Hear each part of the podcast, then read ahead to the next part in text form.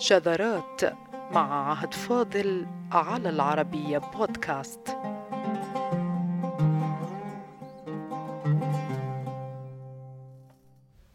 الكتاب بتاعك بتاعهم البتاع المصرية. لعلها في هذا السياق من أكثر الكلمات العامية التي أصبحت موضوعا عند كثيرين. ما هو البتاع أو عندك البتاع. البتاع تلك تنتمي إلى سلسلة من المفردات العامية خضعت لعملية قلب إما في تركيب الأحرف كبتاع من تبع وتباعي وتباعا أو في حرفها الأول فقط من متاع جريا على النظام المعروف في العربية ويعرف بالقلب المكاني وهو تغيير يحصل في أمكنة حروف الكلمة.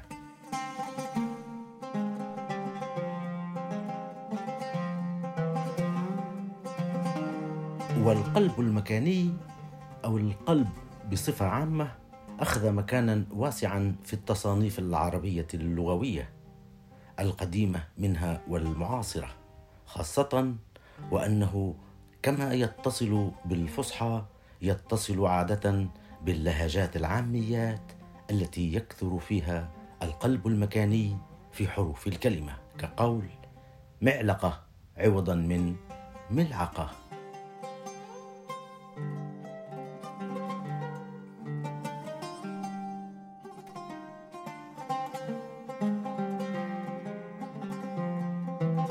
البتاع المصرية وقف عندها لغويو العصر الحديث منذ القرن الميلادي السابع عشر.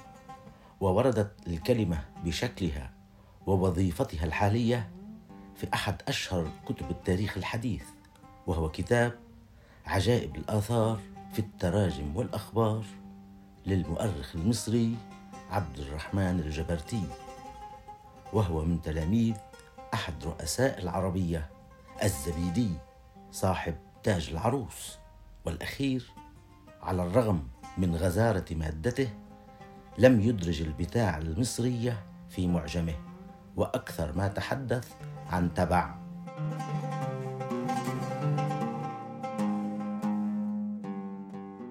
ومن أوائل الذين تحدثوا عن البتاع المصرية في قاموس أو معجم هو المستشرق الهولندي الفرنسي الأصل رينهارت بيتر دوزي صاحب معجم تكملة المعاجم العربية.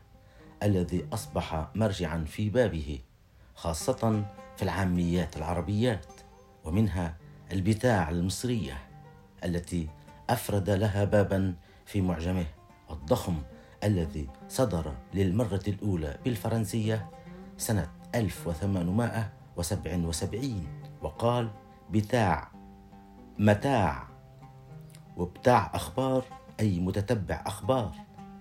بتاع فتة أي محب الفتة بتاع كلام متشدق ويضيف بتوع بمعنى لام الملكية مثل بتاع أو متاع.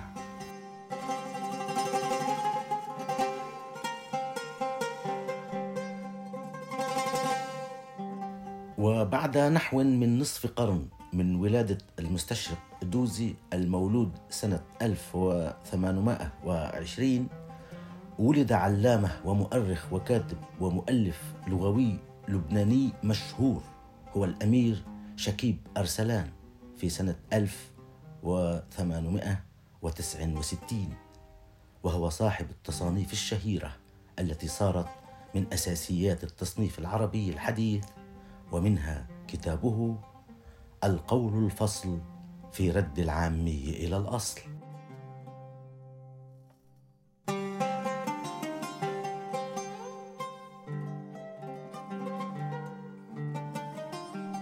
ويقترب الأمير الأرسلاني في معجمه أكثر من المستشرق الهولندي بتتبع كلمة البتاع المصرية إنما من باب كلمة شامية تستعمل في الوظيفة ذاتها وهي تبع.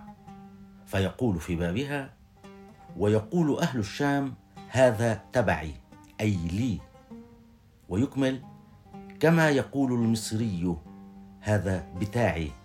ويشرحها محرف متاعي أي أنه يتفق مع تكملة المعاجم العربية بأن البتاع المصرية أصلها في متاع عربية الأصل بمعنى امتلاك الشيء ويضيف والحاصل أن تبعي الشامية صحيحة ففي اللغة التبع تابع وهو يقع على الواحد وعلى الجمع. لكن الأمير اللبناني عندما وصل إلى باب بتع لم يشر إلى كلمة البتاع المصرية في معجمه فهل تعمد أرسلان الإيحاء بأن بتاع المصرية هي تبع الشامية؟ وإلا لماذا لم يفرد للبتاع المصرية بابا مستقلا في معجمه؟ بل لتبع الشامية التي منها انتقل إلى البتاع المصرية حاملة الوظيفة اللغوية ذاتها.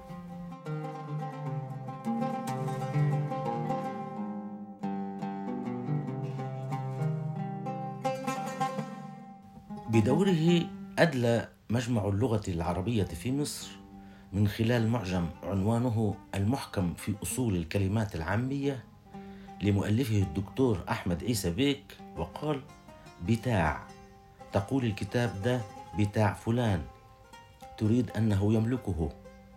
المتاع المنفعة وما متعت به. هذا يعني أنه من القائلين بأن البتاع أصلها في المتاع بعدما قلبت الميم باء.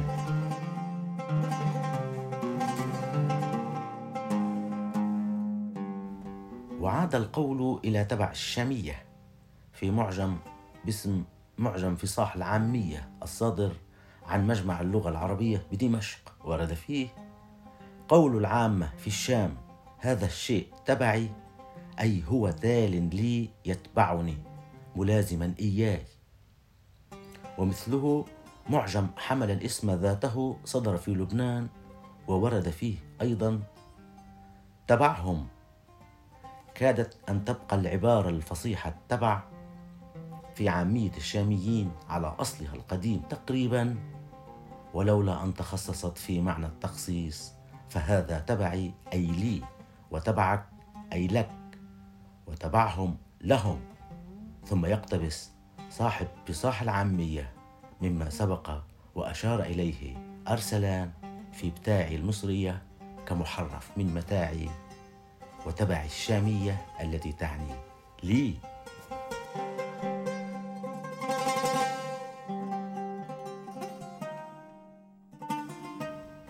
ثم يعود القول إلى المصريين في البتاع.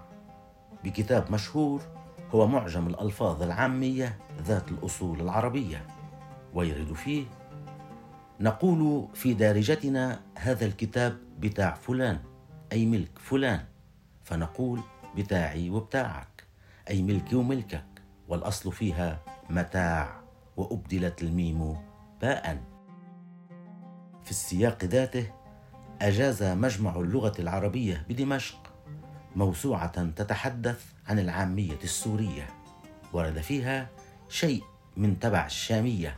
قيل فيها تبع وتقول هذا تبعي أي ملكي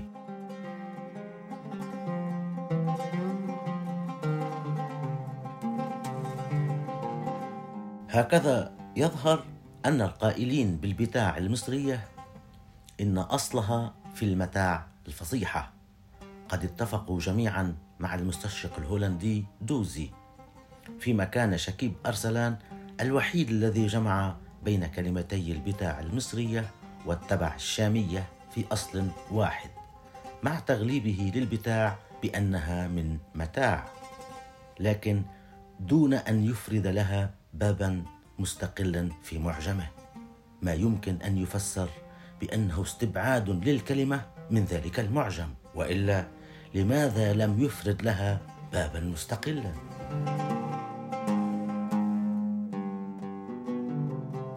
ووردت بتاع في تاريخ الجبرتي بمعنى تبعية الشيء لصاحبه أي التبع الشامية فينقل حديثا بين رجلين واحد يقول للآخر أرني بتاعك أي الذي لك أو ملكك أو عندك. وتتضمن المعنى ذاته في تبع الشامية. فبتاعك وتبعك المصرية والشامية تتضمنان التلميح الخفي نفسه كما يعلم الجميع.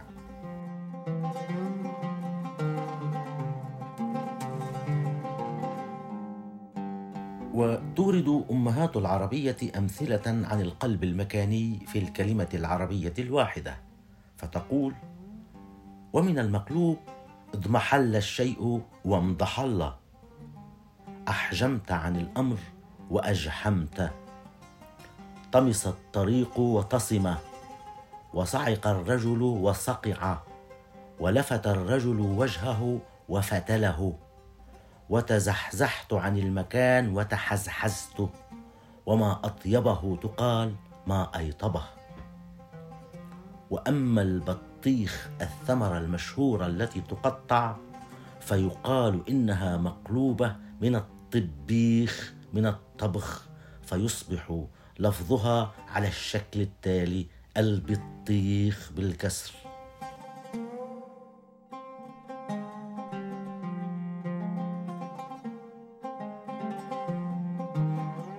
والقلب المكاني هو تقديم بعض حروف الكلمة على بعض لاعتبارات منها السهولة والتيسير أو صعوبة في تتابع أصوات الكلمة على الذوق اللغوي وأسباب أخرى مختلفة.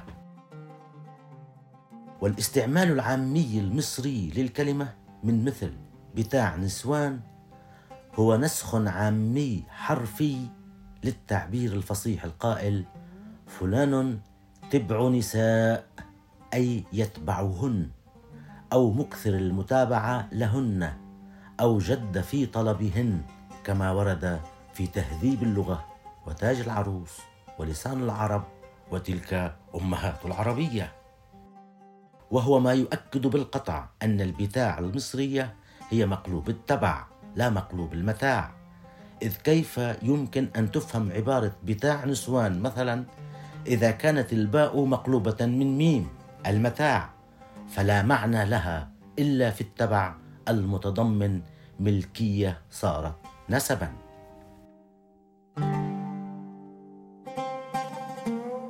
وقام أحد أشهر محققي التراث العربي العلامة المصري عبد السلام هارون بتحقيق معجم تهذيب اللغة للأزهري. وضبط فيه كلمة التبع على الشكل التالي ويقول والتبع ما تبع أثر شيء فهو تبعه.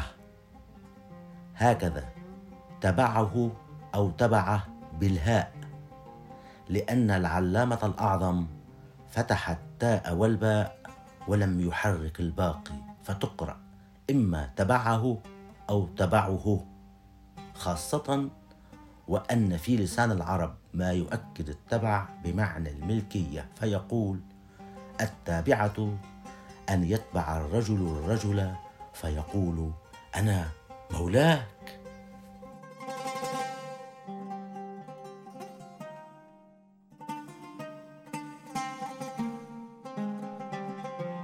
وفيه يقول الشاعر القطامي وخير الأمر ما استقبلت منه وليس بأن تتبعه اتباعا